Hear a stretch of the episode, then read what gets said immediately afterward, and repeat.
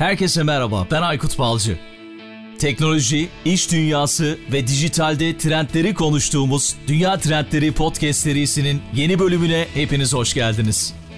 Dünya Trendleri Podcast'in 81. bölümünden herkese merhaba. Bu bölümde nanoteknolojiyi Doktor Bilge İmer'le konuştuk. Nanoteknolojinin çalışma sahaları nelerdir? Nanoteknolojinin geleceği hakkında merak ettikleriniz varsa gerçekten güzel bir bölüm oldu. Benim de yine çok fazla yararlandığım, çok şey öğrendiğim bir bölüm oldu. Umarım siz de beğenir, yararlanırsınız. Her zaman olduğu gibi yorumlarınızı Ekşi Sözlük ve Apple Podcast gibi platformlardan ya da bizi hangi podcast platformu üzerinden dinliyorsanız onun üzerinden yapabilirsiniz. dünyatrendleri.com üzerinden mail grubumuza üye olabilirsiniz ya da dilediğiniz zaman elektronik posta yoluyla bana ulaşabilir ve önerilerinizi benimle buluşturabilirsiniz. Ki zaten bu bölümü de dinleyicilerimizden biri Twitter üzerinden yazdığı bir mesajla bu bölümü yapmamızı istemişti. Onun önerisiyle bu bölümü yaptık. Ve tabii ki her zaman olduğu gibi Patreon üzerinden de bize destek olmak isterseniz oradan size uygun bir abonelik modelini seçerek bize destek olabilirsiniz. Podcast'in açıklama kısmında Patreon bağlantımızı ya da bahsettiğim bütün bağlantıların hepsini bulma şansını yakalayabilirsiniz. Her şeyi söylediğime göre yeni bölüme 81. bölüme başlıyoruz. Bu bölümde ODTÜ'de öğretim üyesi olarak görev yapan Doktor Bilge İmer konuğum oluyor ve nanoteknolojiyi konuşacağız. Nanoteknoloji geleceği nasıl şekillendiriyor diye bir başlık açtık. Bilge şu anda karşımda başkentte. Ben de her zaman olduğu gibi Almanya'dayım. Bilge merhaba hoş geldin Dünya Trendlerine. Merhaba Aykut nasılsın? Çok teşekkür ederim. Sen nasılsın? Çok sağ ol davetimi kabul ettiğin için, podcast'te konuk olduğun için. Ben teşekkür ederim beni davet ettiğin için. Çok güzel bir konu. Çok yani geniş bir konu. Umarım senin podcast saatine sığdırabiliriz bütün konuşacaklarımızı. Kuantum teknolojileriyle ilgili bir yayın yapmıştık. İki kısma ayırmıştık o yayını da. Ondan sonra dinleyicilerimden birkaç tanesinden nanoteknoloji konusunda da bir bölüm yapar mısınız diye istek geldi. Bir şekilde Ferhat Demir'i de analım buradan. Ferhat Demir'le de yayın gerçekleştirmiştik. Ferhat bizi buluşturdu. Sağ olsun buluşturdu ve bugün buradayız. Bu bölümü çekeceğiz, yapacağız. Çok teşekkür ediyorum tekrar sana. Ben de teşekkür edeyim bari Ferhat'a. Bana da teşekkür ederim. Ferhat'a ediyoruz. Hem Ferhat'a hem de sana teşekkür ediyorum. Tamam. Ferhat'la inovasyonun şifreleri konusunda bir bölüm yapmıştık. Güzel de bir bölüm olmuştu ve şimdi onun sayesinde de seninle tanışıp bu bölümü yapıyoruz. Peki Aynen. başlamadan önce istersen biraz seni tanıyalım. Bugüne kadar neler yaptın? Ondan sonra da nanoteknolojiyi gerçekten merak ediyorum. İsmini duyduğum ama çok fazla fikrim olmayan bir konu. O konuda okay. konuşalım istiyorum. Tamam konuşalım. Tamam Aykut. Ben ODTÜ girişliyim. ODTÜ malzeme mühendisliği, metalurji ve malzeme mühendisliği. Ee, sonra ODTÜ terk. ODTÜ'yü bıraktım. Amerika'ya gittim. Ee, University of Pittsburgh'dan mezun oldum. Lisansımı oradan aldım. Daha sonrasında da doktora ve işte yüksek lisans doktora için Kaliforniya gittim. UCSB, University of California Santa Barbara'ya. Orada da çok böyle hani şanslı bir şekilde doktoramı yaptım. Sonra 2014 yılında galiba Nobel Bilim Ödülünü alan e, Shuji Nakamura'nın ekibinde yer aldım. Bu işte mavi led aydınlatma ve işte mavi lazeri geçiştiren ekipti. Ondan sonra Türkiye'ye döndü. Doktoramı aldıktan sonra Bilkent'te ilk defa bir nanoteknoloji enstitüsü kuruluyordu orada bütün dünya trendlerini Türkiye yakalamış halde bir enstitü kuruyordu ve o yani ilk kuruluşunda yer aldım. İlk üç kişiden biriydim orada ekipte. Ondan sonra arkasına özel sektöre geçtim. Aselsan'da çalıştım. İşte bu kızılötesi dedektörler biriminde. Sonra bir şekilde gene e, akademiye geri dönüş yaptım. ODTÜ'ye malzeme mühendisliğine. Şimdi de buradayım Aykut'cum. Böyle hani kısaca özetleyebilirim. Süper harika gerçekten. Çok önemli işleri imza atmışsın.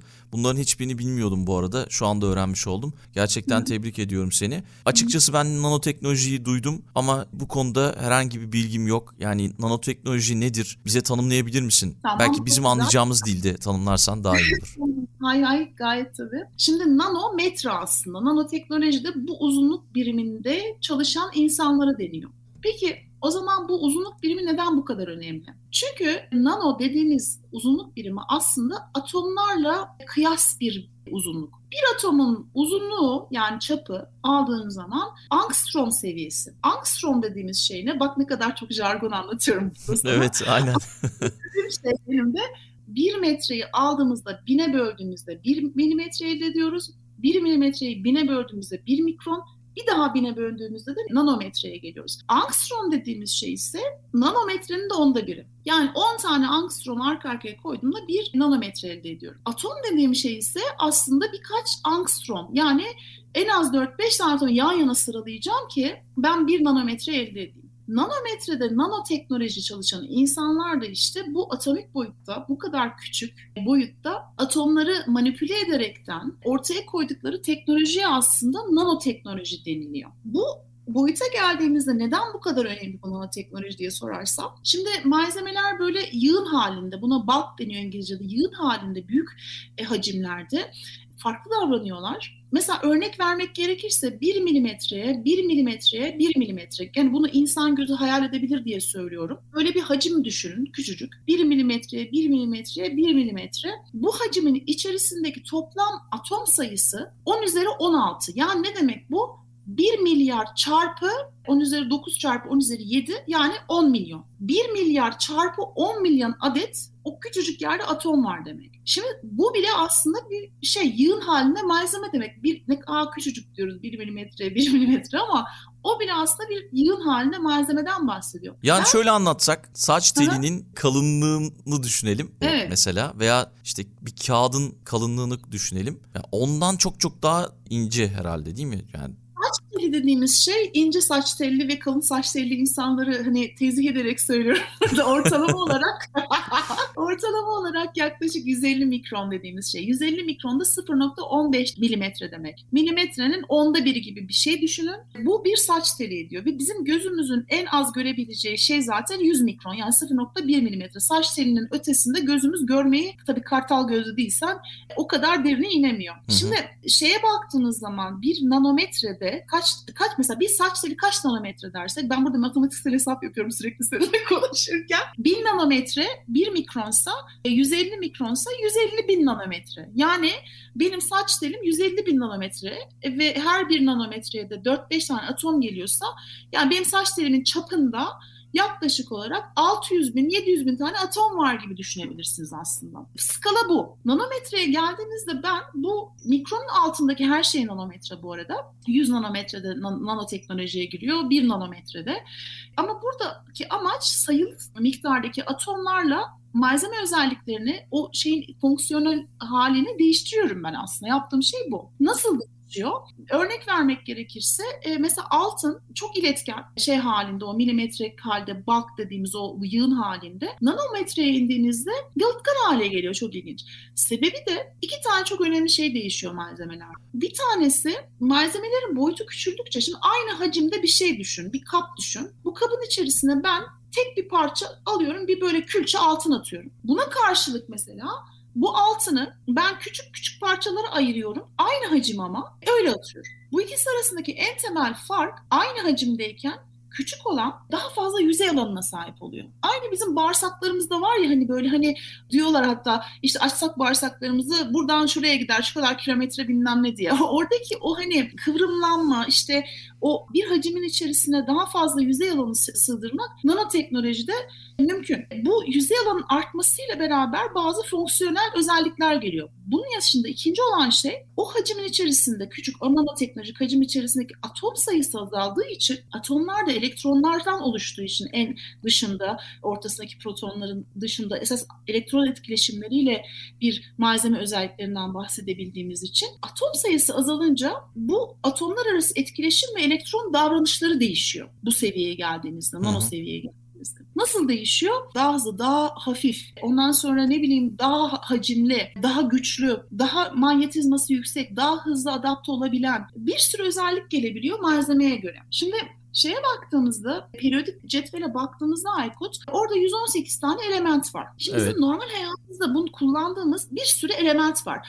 Ve bunları tek halde kullanmıyoruz. Oturup tek başına oradaki demiri alıp kullanmıyoruz. Bunu başka elementlerle karıştırıp fonksiyonel hale getiriyoruz malzeme mühendisi olarak. Fakat bunu gözle görülür, balk halde yapıyoruz. Yani hepimizin gözle görebileceği, makroskopik olarak görebileceği özelliklere sahip olarak kullanıyoruz. Nanoda ise şöyle bir şey var. Ben ona indiğim zaman yani 118 tane elementi düşünürsen bunların kombinasyonlarını düşün. İşte bunları iki tanesini bir araya getirdim, üç tanesini bir araya getirdim, beş tanesini, bir tanesini şöyle yaptım. ayrı özellik gösteriyor her biri. Bir de inanılmaz bir şey var. Derya deniz bir konu var aslında malzeme mühendisliğinde.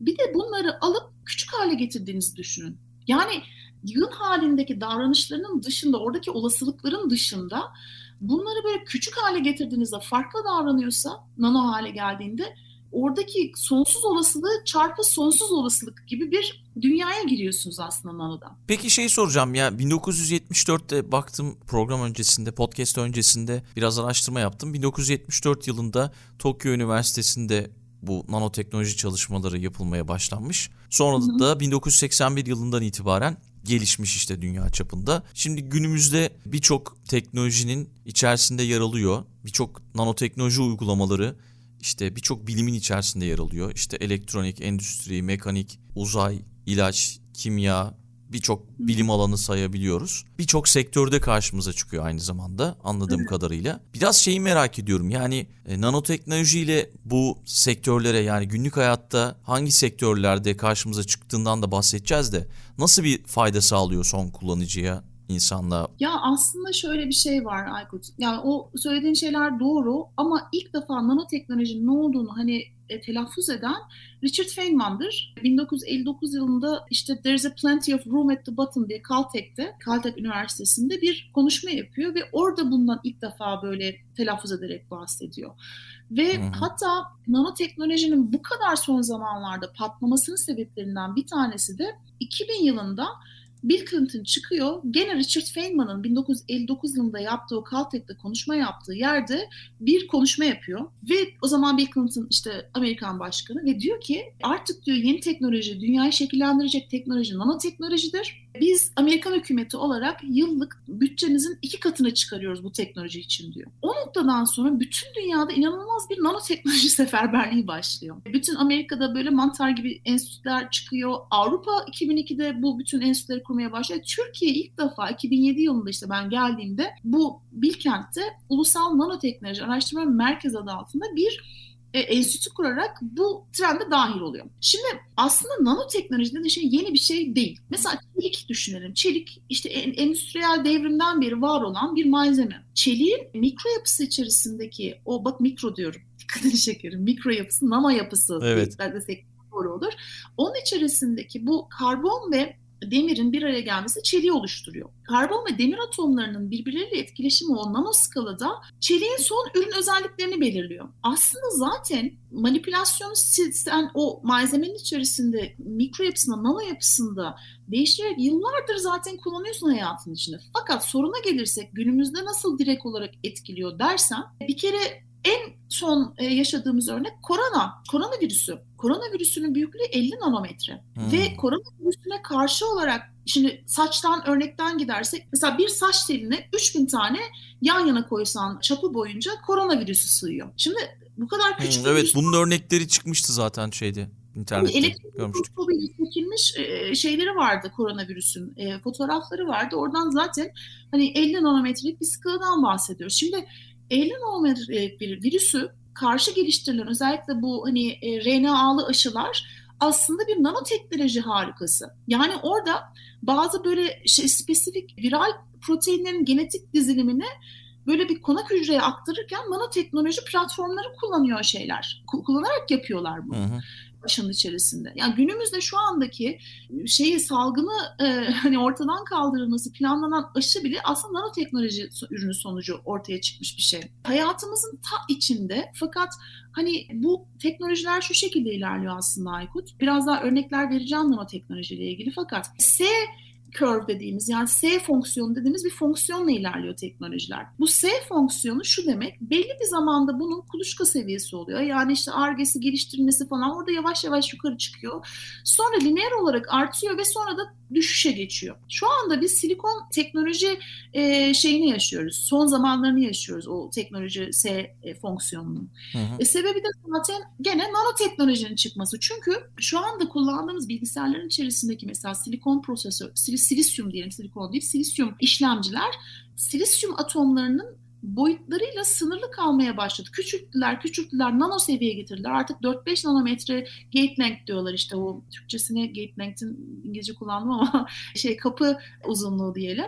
Bunlar mesela şu o noktadan sonra elektronlar diğer tarafa kaçak vermeye başlıyor. Onun altına inemiyorlar. Artık bir yere geldiler dayandı artık. Daha küçültemiyorlar şeylerin, işlemcileri. Şimdi zaten burada o zaman ne oluyor? O teknoloji hafif hafif böyle ölmeye yüz tutuyor. Şimdi silis, silisyum teknoloji çağını yaşıyoruz derken hayatımızın içinde bir tek silisyum yok son 50 yıldır 60 yıldır. Onun getirdiği yancı şeyler var. Yani işte ben te- bilgisayarın var olması neyi getirdi? GPS'i getirdi işte ne bileyim hayat informasyonun bu kadar hızlı akmasını getirdi. insanların iletişimini güçlendirdi. Birçok platformda şu anda arayüz olarak ne kullanılıyor? Yazılım kullanılıyor. Yani her yerde bu var değil mi? Şimdi aslında bu olmasaydı silisyum teknolojisinin içerisinde biz yaşamasaydık bu olabilecek miydi bugün? Hayır. Nanoteknolojinin içindeyiz şu anda da yavaş yavaş ona girmekteyiz. Silisyum teknoloji, informasyon teknolojisi ölmekteyken. Bu defa da aa işte bak nanoteknoloji devrim yarattı gibilerinden bir şeyler olmayacak. Hayatımızın çok farklı yerlerinde bunu daha sık görmeye başlayacağız. Nanoyla, nanoteknolojiyle üretilen şeyleri. Mesela örnek vermek gerekirse şu anda hayatımızın en içinde olan şey aydınlatma. Bütün aydınlatmaların içinde işte benim doktoramda yaptığım ledler var. Bu ledler aslında o kadar büyük ampul gibi görünüyor. Gözümüz alıştığı için aslında onu ampul şekli veriyorlar armatür olarak. Ama aslında içindeki çip yani o mikroçip yaklaşık birkaç yüz mikron veya belki bilemedim bir milimetre kadar olan bir çip. Fakat o çipin içerisindeki kuantum kuyuları yani o elektronların transferi ve ışığı saçan elektronlar nanometrelik mertebede kalınlıktaki kuyuların içerisinden etkileşime girerek o ışığı saçıyorlar. Orada bir nanoteknoloji var. Aynı hmm. şekilde mesela bu PlayStation oynuyorsunuz. PlayStation işte ya Blu-ray DVD yani çok hayatımızın içinde olan şeyler. Orada bu kadar güzel Grand Theft Auto Theft'te neydi ne diyorlar ben çok oynamıyorum ama Grand, Valla ben de hiç ilgim yok ya. GTA diyorlar galiba. Orada evet. mesela böyle çok gerçekçi grafiklerle falan oynuyor insanlar. Bunun tek bir şeyi var, sebebi var. Oradaki resolution yani şeyin içerisindeki çözünürlük ancak ancak küçük dalga boyuyla ve yüksek frekansla mümkün. Bu da mavi lazerle mümkün. Bunun icadı da tamamen mavi ışığın çıkması gene oradaki gene nano yapıların düzenlenmesiyle gerçekleşmiş bir şey. Tamamen bizim hayatımızın içerisinde. Şu çok şaşırtmıştı araştırma yaparken yani konuyla ilgili en azından biraz bilgim olsun diye. Şöyle bir şey görmüştüm. Nanoteknoloji olmasaydı günlük yaşamda kullandığımız birçok elektroniğe sahip olamazdık gibi bir şey Aynen görmüştüm. Öyle. Mesela Aynen öyle. İşte evet. en son nesil küçük bilgisayarlardaki işlemcilerin nanoteknoloji sayesinde üretildiğine dair Aynen. bir haber okumuştum. İlginç olan bir şey daha vardı. Tenis topları ile ilgili bir şirket sanırım böyle bir çalışma yapmış. Tenis toplarının zıplamasını daha uzun süre gerçekleştirmesi için ve tenis raketlerini daha güçlü hale getirmesine yardımcı olmak için nanoteknoloji kullanmış. Evet. Bir spor malzemeleri evet. üreten bir şirket. Evet. Yani bunların hepsi aslında malzeme biliminin şeyine giriyor, sahasına giriyor. Nanoteknoloji deyince aslında malzeme bilimiyle uğraşan insanlar nanoteknolojiyle uğraşabilir mi? Evetse geliyor. Boyut meselesi bu. Fakat bunun dışında malzeme biliminin dışında yani daha hafif işte tenis raketleri ve işte atıyorum vurduğu zaman daha çok etki yapacak raket veya spor ayakkabımızın daha hafif olup işte daha fazla işte yaylanma etkisi vermesi, koşucular için özel mesela kıyafet tekstilleri düşünün. Giyimde ee, evet çok fazla. Giyimde mesela işte üstüne bir şey dökülüyor leke yapmıyor mesela leke tutmuyor. Ee, ya da işte mesela bir yüzey düşün ki üzerinde su tutmuyor. Su geçirmez mesela, evet. Ya da mesela öyle bir tekstil yaratıyorsunuz ki ki bizim bölümde bir hocamız bununla ilgileniyor. Mesela Emre Hoca, Emre olan buradan oraya selam, söyleyeyim Emre hocamıza da. Selamlar. Ee, buna nano bakır teller üretiyor mesela ve bu nano bakır tellerle tekstil yüzeyini kaplıyor. Görünmüyor bunlar tabii ki. Hani nano olmasının dışında bu aynı zamanda da da şey yani gözün görebileceği bir boyut değil ve transparan olan bir boyut. Normalde bakır yani şeye baksanız bakıra e, arkasını göremezsiniz ışık geçirseniz. Fakat nanotel yaptığınız zaman bunu böyle bir network olarak döşediğinizde transparan da oluyor aynı zamanda. Bu tellerden e, voltaj farkı verip akım geçirdiğinde ısıtma etkisi veriyor. Mesela işte ayakkabı tabanına, işte paltonuzun içine, battaniyenizin içine bunları serdiğinizde mesela ısıtıcı tekstiller üretiyorlar onlar. Ya bu o kadar çok mesela şu an telefonlarımızdaki dokunmatik ekran. Dokunmatik ekran ama normalde dokunmatik ekranın algılayabilmesi için size onun aynı zamanda elektrik akımını ileten bir mekanizma olması lazım. Yani hem elektrik akımını iletecek hem de transparan olacak. İkisi bir arada olması normalde aklınıza getirin bakalım. Hani en çok böyle elektrik mesela e, ileten şey nedir? Bakır, gümüş, altın Hmm, değil mi? Yani altın. böyle hani e, sonuçta Nobel hani malzemeler dedi- metaller dediğimiz o metaller. Şimdi herhangi bir metali düşünün. iyi elektriği iletir mi? İletir. Yani tutsanız bir yerden voltaj farkı verseniz çarpılırsınız yani herhangi bir metalde değil mi? Araya onun için ne yaparsınız? İşte şey böyle seramik koyarsınız ya da ne plastik koyarsınız ki çarpılmayın diye. Hı. Şimdi bu kadar elektriksel iletkenliği yüksek olan bir şey ama aynı zamanda ışığı geçirmiyor. O zaman ben ikisini bir arada nasıl sağlayabilirim? İşte orada mesela indium kalay oksit kullanılıyor. Çok ince nanometreler mertebesinde camın üzerine katlanıyor ki sizin doku hem transparan ışığı geçiriyor. Arka taraftaki uygulamaları görüyorsunuz, ikonları. Hem de sizin e, parmağınızı algılıyor mesela orada geçişin nereye gittiğini dokunmatik ekran yapıyor. Onun dışında mesela şey alanında moleküler biyoloji ve genetik bi- biyotip, farmakoloji alanında çok acayip gelişmeler oluyor nanoteknoloji alanında. Yani şöyle aslında yani nanoteknoloji özellikle şeyde kanser hani kanser araştırmalarında tetkik çok önemli bir şey. Erken teşhis. Erken teşhisin yapılması, tetkikin yapılmasından ziyade o alanı hedefleyerek oraya iyileştirme için kullanma açısından da platformların yani İngilizce agent diyorlar platformların geliştirilmesinde de çok etken bir teknoloji nanoteknoloji. İşte karbon nanotüpler veya işte demir oksitler bunlar hep o ligantlar var bunların kullandıkları işte antikorlar, peptitler, işte küçük moleküller falan gibi bunların bağlanabileceği çok küçük yüzey alanı da genişlediği için küçülünce daha fazla bunları bağlayabilip ve hedefe yönelik olarak gönderiyorlar. Mesela şeyde bu MR'a giriyorsunuz. MR'daki görüntülemedeki kontrastı mesela demir oksit platformlarıyla yapılan bu şey görüntülemede mesela kontrast inanılmaz yüksek çıkıyor. Bu kontrastın yüksek çıkması ne gibi bir avantajı var mesela bu nano demir oksit e, parçalarının? Demir oksit belli bir büyüklüğe, küçüklüğe geldiğinde süper paramanyetik davranıyor. Yani e, bu da manyetizma MR'ın en temel onunla couple edeceği yani çiftleşebileceği bir mekanizma oluşturuyorsunuz öncelikli olarak. Malzeme özelliği olarak da bir kontrast oluşturabiliyorsunuz. Şimdi bu kadar güzel bir e, kontrast oluşturduğunuzda ne gibi avantajı var? Küçücük bir hücre bile olsa orada başlamış hani bu kanser e, bir hücre bunu direkt görüntüleyebiliyorsunuz. Bir de mesela metastaz mı oldu veya işte onun kanserin yayılmış olduğu alan ne kadar? Yani bu tetkik aşaması. Tetkikten sonra bir de e, bunun hani iyileştirme aşaması var. Orada da aynı şekilde hedefe yönelik olarak e, saldırttıkları bu ligantları bağladıkları platformların hepsi nanoteknolojiden yapılan platformlar. Bu önemli. Bunun dışında işte zaten korona için geliştirilen bu hani virüsle ilgili olarak hani RNA aşısıyla ilgili olarak zaten çok hani evrimsel bir biliyorsun gelişme oldu bütün dünya için. Onun dışında söyleyebileceğim mesela çevreyle ilgili uygulamalar var. Yalnızca sağlık değil. Tarımla da var galiba. tarımla ilgili var. Hı. Yani şimdi o kadar geniş ki alan. Mesela örnek enerji dediğimiz çevre ve enerji dediğimiz şey aslında el ele giden şeyler. Temiz su kaynakları ve enerji geleceğin en büyük e, sorunu olarak bakılıyor. Evet. Bu kadar işte. Yani çünkü dünyanın popülasyonu artmakta ve bu arttığı sürece de insanların bir kere yemek, yemeğe ulaşımı değil mi?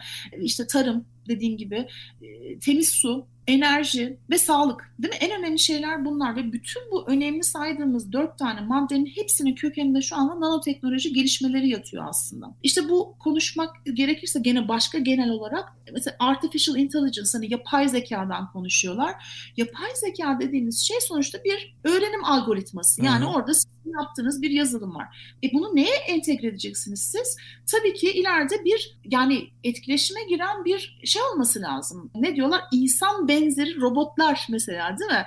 İnsansı robotlar. Mesela insansı robotları yapmak istiyorsanız burada mutlaka kullanacağınız işte cildini gerçekleştiriniz böyle hibrit malzemeler var nanoteknolojiyle geliştirilen. İşte cildimizin tam aynısını işte benzetmeye çalışan organlar. Hı. Mesela organ ileride bütün 3, 3, 3D yazıcılarla organ üretmeye çalışıyor insanlar. E, karaciğer, böbrek işte kalp ve bunları 3D yazıcılarla yapmaya çalışırken orada kullandıkları şeyler tozlar yani işte o şeyi yapan, konstrakt eden o e, organı oluşturan gene nanoteknoloji e, sayesinde üretilmiş malzemeler. Almanya'da bir Türk doktor hanımefendi yaptı biliyorsun. Kalp yaptı, yapay kalp yaptı kulak, kalp her şeyi yapıyorlar şu anda. Tabii ki hani hepsinin hala daha sorunları var. İşte e, şey yapıyor, doku geliştirme olayı çok farklı bir olay. İşte bunlar hep intihar disiplinler konular. Mesela ben hiç unutmuyorum bundan birkaç yıl önce bir e, hoca gelmişti Amerika'dan galiba Rutgers'dandı. Şey anlatmıştı. Bu öğrenme algoritması. Mesela biz çocukken ya da çok bebekken e, hani hep örnek verilir ya insan beyninin öğrenme şeyi. Elini ateşe tutarsın. Ondan sonra bir daha o ateşe elini tutmazsın çünkü elin yanmıştır artık. Ve onu öğrenmiştir senin beynin. Bu hı hı. hani öğretebilme durumu. Onu organik moleküllere bilgi öğretebilme çalışıyordu mesela. Ve bu ne demek? İleride ben artificial intelligence yani yapay zeka ile bir kod yazılımla bilgi üretebiliyorsam bunu transfer edebileceğim bir beyin olacak o şeyde insansı robotlarda ve bu beynin içerisinde de bir materyal, bir ortam, bir e, şey olmak zorunda. Bu yapay zekanın ürettiği bilgiyi oradan oraya taşıyıp bunu işlevsel hale getirecek. İşte bu ortamı oluşturacak gene moleküller onlar nanoteknolojiyle geliştirilen şeyler aynı şekilde. Bütün bunların dışında özellikle bu enerji konusunda çok sağlam çalışmalar yapılıyor nanoteknoloji. Hani diyoruz ya işte doğal kaynaklar tükeniyor, doğal gaz işte karbon bazlı işte bu fuel oil gaz falan onlar tükeniyor. Onun yerine bir de daha çevre dostu teknolojiler çıksın falan. Yenilenebilir teknolojilerin içerisinde en hani şey yapılan işte rüzgarın dışında güneş biliyorsun Aykut. Hı hı. Ve güneş enerjisini üretmek için şu anda paneller veyahut da güneş enerjisinden faydalanmak üzere kullanılan panellerde tamamen nanoteknoloji ürünleri şu anda geliştirilmekte. Silisyum bazlı hücreler, perovskit hücreler, işte bu e, bakır, indium, galyum, selenit hücreler. Bunların hepsi nanoteknolojiyle geliştiriliyor. Bunların işte verimleri arttırılmaya çalışılıyor ki güneşten ne kadar şey gelirse daha fazla ben enerji üretebilirim gibilerinden. Bütün bunların dışında mesela sizin elinizdeki telefon bataryası, pili en sinir bozucu şeydir. Pili bir süre sonra ömrü bittikten sonra ne olur? Hemen bitivermeye başlar değil mi? Bunun sebebi o pil dediğimiz şey bir kapasitör aslında. Bu kapasitörün ben ya malzemesini değiştireceğim ama malzemelerin özellikleriyle limitliyim. Yani işte orada 118 tane element var. Şeyi belli. Yığın halinde balk haldeki özelliği. Ya da şunu yapacağım. Ben bunu yüzey alanını o kadar çok büyüteceğim ki kapasitans etkisini arttıracağım mesela. Gene aynı şekilde burada nanoteknoloji uygulaması giriyor ortaya. Yani yüzey alanını arttırmak, daha küçük yüzeyini pürüzlü hale getirme, daha küçük nano parçalar kullanarak bu pilleri yapmak. İşte enerji tasarrufundan bahsedebiliriz. Ya da ledler, OLED'ler değil mi? Bunlar enerji tasarrufu sağlayan şeyler. Hepsi bunların nanoteknoloji. O kadar çok var ki. Ya evet şimdi onu diyecektim. Yani o kadar çok alanda kullanılıyormuş ki yani nanoteknoloji şu anda biz hani yeni bir şeymiş gibi konuşuyoruz gibi gelebilir insanlara ama e, evet. bizi dinleyenlere çok uzun zamandır kullanılan ve hayatın her alanında karşımıza çıkan bir teknoloji anladığım kadarıyla ve kendini öyle, geliştiriyor. Öyle.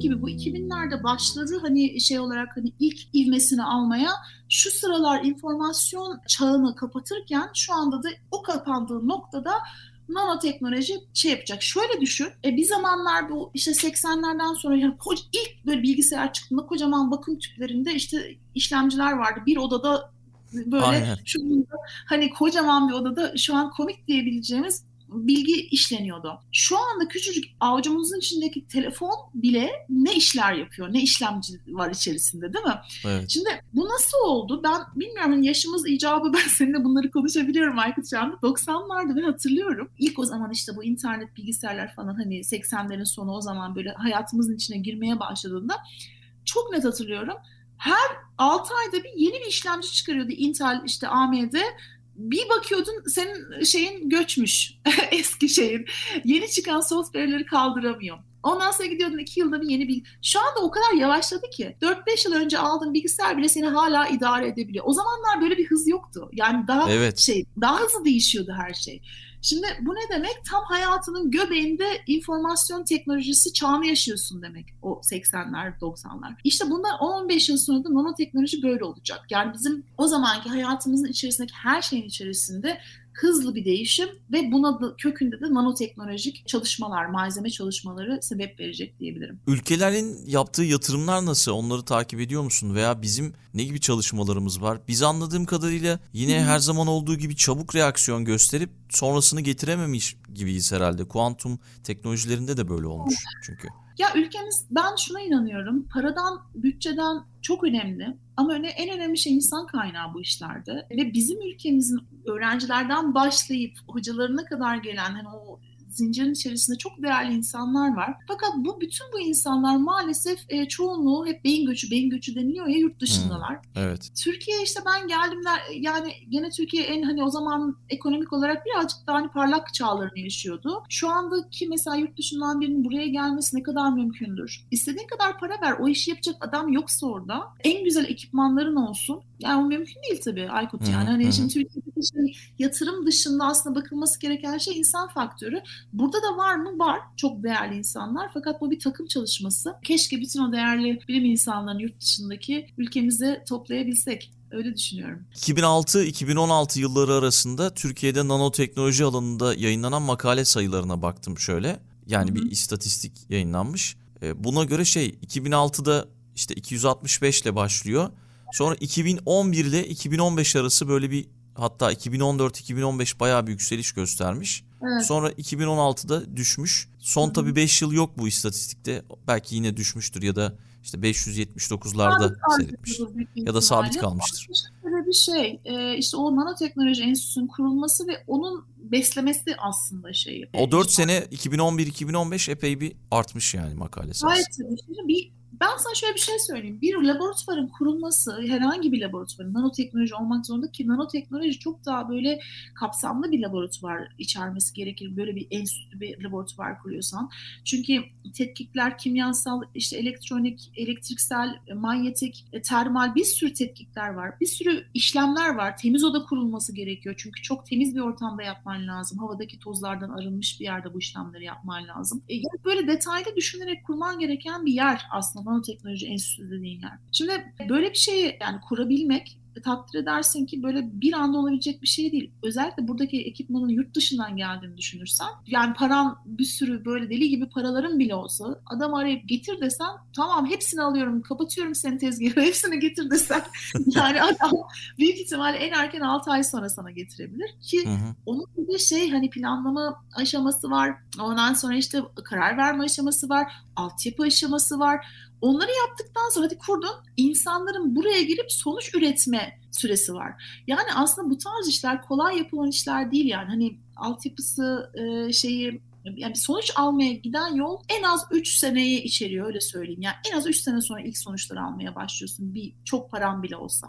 Hı hı. İşte o senin gördüğün istatistikler büyük bir ihtimalle işte o enstitülerin kurulumundan 3 yıl sonra sonuçların alınmaya başladığı, yayınların çıktığı zamana denk geliyor diye düşünüyorum. Ve şu anda da devam sadece tek bir merkez olarak bir yerde değil Türkiye'deki bu çalışmalar gayet tabii. E, Birçok yerde yayılmış durumda. Onun etkileridir diye düşünüyorum. Ama genelde üniversitelerin bünyesinde anladığım kadarıyla. Evet, evet. Ee, ama şöyle e, savunma sanayi Türkiye'de çok gelişmiş durumda. İşte bütün e, Türk Silahlı Kuvvetleri Güçlendirme Vakfı'na ait bütün kuruluşlar işte Aselsan, Roketsan, şimdi Havelsan hatta işte TAİ bile yani inanılmaz yatırımlar yapıyorlar bu işlere ve inanılmaz iş gücü alıyorlar işte iyi üniversitelerde bu tarz eğitimler görmüş öğrencilerden. Orada da bir ivme ben bekliyorum önümüzdeki yıllarda açıkçası birazcık daha. Peki şey hani bir sıralama yapmış olsak biz kaçıncı sıradayız nanoteknoloji konusunda? Öyle bir sıralama var mı? Veya yani, Amerika mı birincidir? Japonya mı birincidir? Çin mi? Yani bu tarz konularda kesinlikle Amerika ve Japonya arasında olduğunu söyleyebiliriz.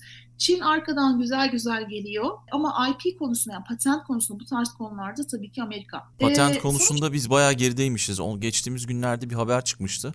Hı-hı. Epey gerideymişiz yani genel itibariyle. Öyle, öyle maalesef öyle. Ya bu işler biraz şeyle oluyor. Çin mesela bak bu kadar iPod ilerlemiş durumda. Çin çok arkadan geldi. Bütün üretimin işte o iPhone'un mesela bütün IP hakları Amerika'da olmasına rağmen üretimini Çin'e aldı değil mi? Ve orada üretilen bu insanlar neyi öğreniyorlar? Onun detaylarına vakıf oluyorlar. Ona vakıf olduğun zaman çok hızlı bir şekilde zaten kendini bir teknoloji seviyesine getiriyorsun. Ve ondan sonra bunun üzerine kurmak daha kolay olmaya başlıyor. Şimdi Türkiye olarak bizim önce o seviye bir gelip böyle bir bireysel çabalarla insanların üniversitelerde yaptığı çalışmaların dışında sanayinin bunun hani aslında lokomotifi olacak şekilde ilerlemesi lazım ve burada da ben e, savunma sanayine çok önem arz ettiğini düşünüyorum. Zaten hani o ileride inşallah bu tarz eğer ilerlemeler ciddi yol alacaksak onlar yapacak bu işi diye düşünüyorum. Yani tek başına böyle üniversitelerdeki bireysel çabalarla en fazla dünya bilim literatürüne katkıda bulunuyoruz. Anladım. Uygulama alanında bir eksikliğimiz var. Evet, onun insan kaynakları alanında bir eksikliğimiz var. Yok yok yani şöyle diyeyim eksiklik değil. Şu anda birçok üniversitede malzeme bilimi mühendisliği ve bu nanoteknolojiye kayabilecek işte fizikten e, ve işte biyolojiden e, insanlar da gene kimyadan zira hani ilgileniyorlar, gidiyorlar ama önemli olan bu insanların yaratıcılıklarını, işte o kafalarındaki canlandırdıklarını ve e, bilgi birikimlerini aktarabilecekleri bir mecra. Yani hı hı. bu sanat akademi olunca olmuyor tabii. Ben sana bir örnek vereyim. Bak çok ilginç bir şey. Bundan 5 yıl önce ben laboratuvarı kurarken İsviçre'ye gittim. Orada Ion Bond diye bir firma var. E, meşhur bir firmadır bu. Ve şey yapıyorlardı işte buharlaştırarak film üretme. Yani bu nano filmleri veyahut da buharlaştırmalı film kaplama şeyleri yapıyorlardı makineleri. Çok gelişmiş cihazlar, cihaz teknolojileri. İşte bu eğer nanoteknoloji yapacaksanız cihaz teknolojilerinde de tabii ki gelişmeniz lazım. Mesela atıyorum örnek veriyorum bir RNA'nın ya da DNA'nın bilgisiyle oynamak istiyorsanız orada nano e, şeylerle, cımbızlarla manipüle etmeniz gerekiyor mesela bazı şeyleri. O araçlara da, o araç teknolojilerine de vakıf olmanız lazım e, şey olarak hani ülke olarak. Neyse bu böyle bir parantez içinde söylemiş olayım. Geri döneyim hikayeye. Yoğun konuşurken daha dedim ki ya siz nasıl geldiniz buraya? Yani bu kadar böyle yani teknolojiyi geliştirmeye, bu cihazı üretmeye adam anlatmaya başladı. Eskiden biliyorsunuz İsviçre neyle meşhur? Saatleriyle İsviçre saatleri. Saat, yani çok çakısı meşhur. ve çakısı. işte zaman zaman reklamlarda İsviçreli bilim insanları diye duyarız. yani buradan onu anlıyorum şu anda. İşte ama boşuna o bilim insanlığı yani... çıkmıyor.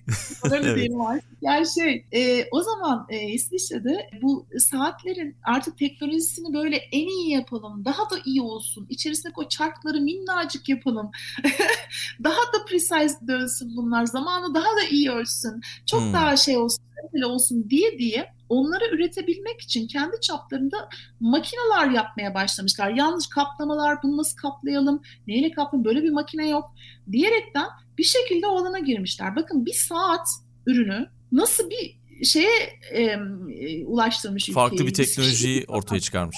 Aynen. Yani hani ama burada tabii şey önemli. Ülke olarak şey farkında adamlar. Bu bizim milli çakımız, milli saatimiz diyor adam. Evet. Orada diyor ki bu, bu benim güçlü yanım. Ben bunu daha da güçlendirmeliyim. Madem liderim bu konuda daha da lider olmalıyım diyerek diğer alanların önünü açıyor. Şimdi Türkiye olarak belki de bunu yapmamız lazım bir yerde.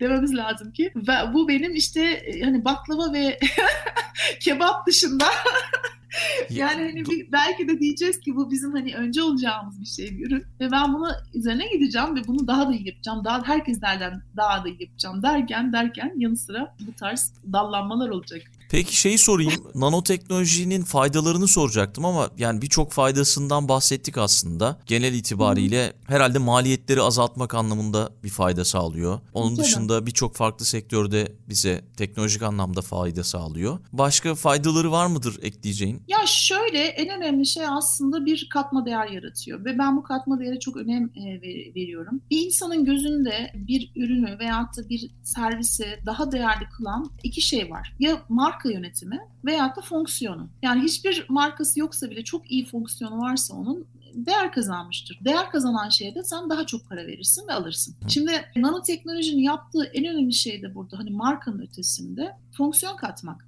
Herhangi bir ürüne. Yani sen var olan herhangi bir ürünü alıp daha fonksiyonel hale getirebiliyorsun. Ufacık bir nanoteknoloji malzeme geliştirmesi, eklemesiyle üzerine mesela. En büyük faydasının bence ekonomiye katkı, katma değer yaratması ve insanlığın ileride bu kadar popülasyonun arttığı noktada şeye enerji, temiz su kaynakları, gıda ve sağlık alanındaki gelişmelere pasosun olacağını, geçişin olacağını, hani bunu kolaylaştıracağını ben görüyorum açıkçası. Yani insanlık de yapılıyor bu.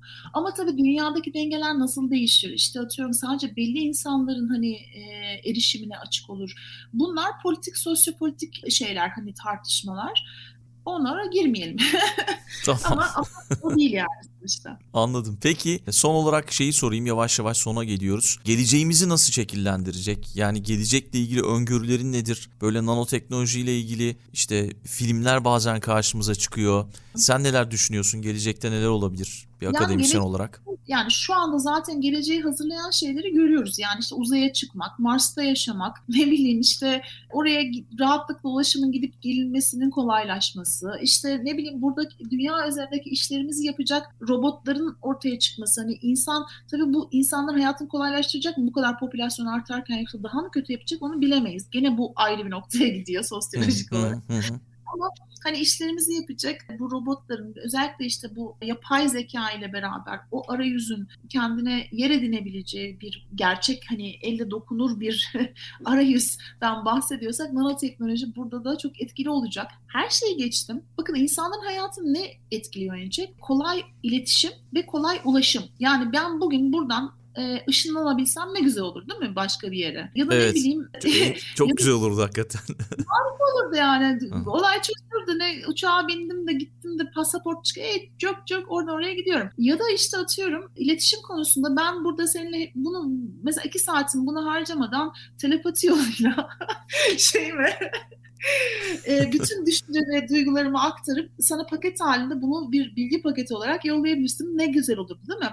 Bunlar işte hep zaten fütüristik insanların düşündüğü şeyler, projeksiyonlar. Yani nedir? İşte iletişim alanında ya da işte ne bileyim ulaşım alanında, bilgi teknolojileri alanında ve diğer işte insanların normal Maslow'un piramidinin en altındaki konfor seviyelerini sağlayacak işte gıda, aidiyet duygusu yani barınma sağlayacağı şeyleri bunlara direkt olarak etki yapacağını düşünüyorum. Yaşayacağımız evlerin içerisinde kullandığımız akıllı sistemler. İşte gıda mesela teknolojisinde şu andaki gibi gidip hepimiz şu an organik geçmişe döndük. Hiçbirimiz böyle yeni GDO'lu şeyleri sev sevmiyoruz ama eğer bu kadar ileri giderse toplumdaki işte bu popülasyon sayısı falan ne olacak? Hepimiz bir hap gıdayla falan takılmaya çalışacağız. E bu da sonuçta orada gene nanobiyoteknolojik ve faaliyetler hmm. içermek zorunda insan vücudunun minimum zararlı nasıl maksimum beslenme elde edebiliriz? E bunun dışında hayatımızın içine en çok gireceği şeyin bence gene şeyle birbirimizle iletişimle ilgili olacağını düşünüyorum. Mesela bu quantum computing falan diyorlar.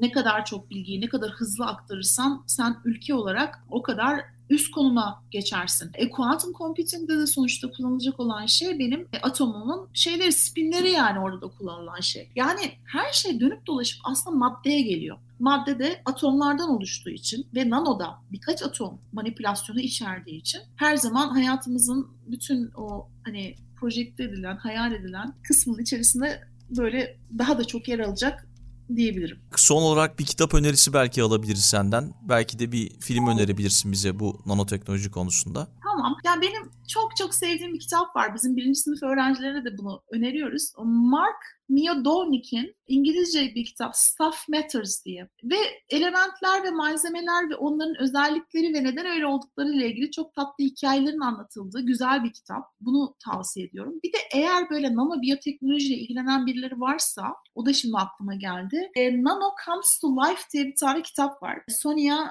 Contera'nın. O da mesela bu tarz böyle işte ne tarz, ne tarz agentlar kullanılıyor, ne tarz gelecekte hem iyileştirme, tetkik hem de işte insanlığın daha uzun yaşayabilmesi için ne gibi çalışmalar yapılıyor. Bunları içeren böyle çok fütüristik güzel bir kitap. Onu da tavsiye edebilirim. Bilge çok teşekkür ediyorum sana gerçekten bir kez daha katıldığın için Dünya Trendleri Podcast'te. Çok yararlanacağımız bir bölüm oldu. Yine efsane bölümlerden birine imza attık. Çok çok sağ ol. Ay çok teşekkür ederim. Umarım öyle olmuştur. Umarım dinleyiciler de aynı senin gibi düşünüyorlardır ve düşüneceklerdir. Peki o zaman veda ediyoruz. Bölümü kapatıyoruz. Herkese çok teşekkürler. Sağ ol Aykut'cum kendine iyi bak. Dünya Trendleri Podcast serisinin bu bölümünün sonuna geldik. www.dünyatrendleri.com Twitter'da @dünyatrendleri, Instagram'da dünya.trendleri adreslerinden Dünya Trendleri Podcast'i takip edebilirsiniz. Unutmayın önerileriniz ve merak ettikleriniz içinse info.dünyatrendleri@gmail.com adresinden mail atabilirsiniz. Bu bölümü dinlediğiniz için çok teşekkürler. Yeni bölümde tekrar buluşmak üzere.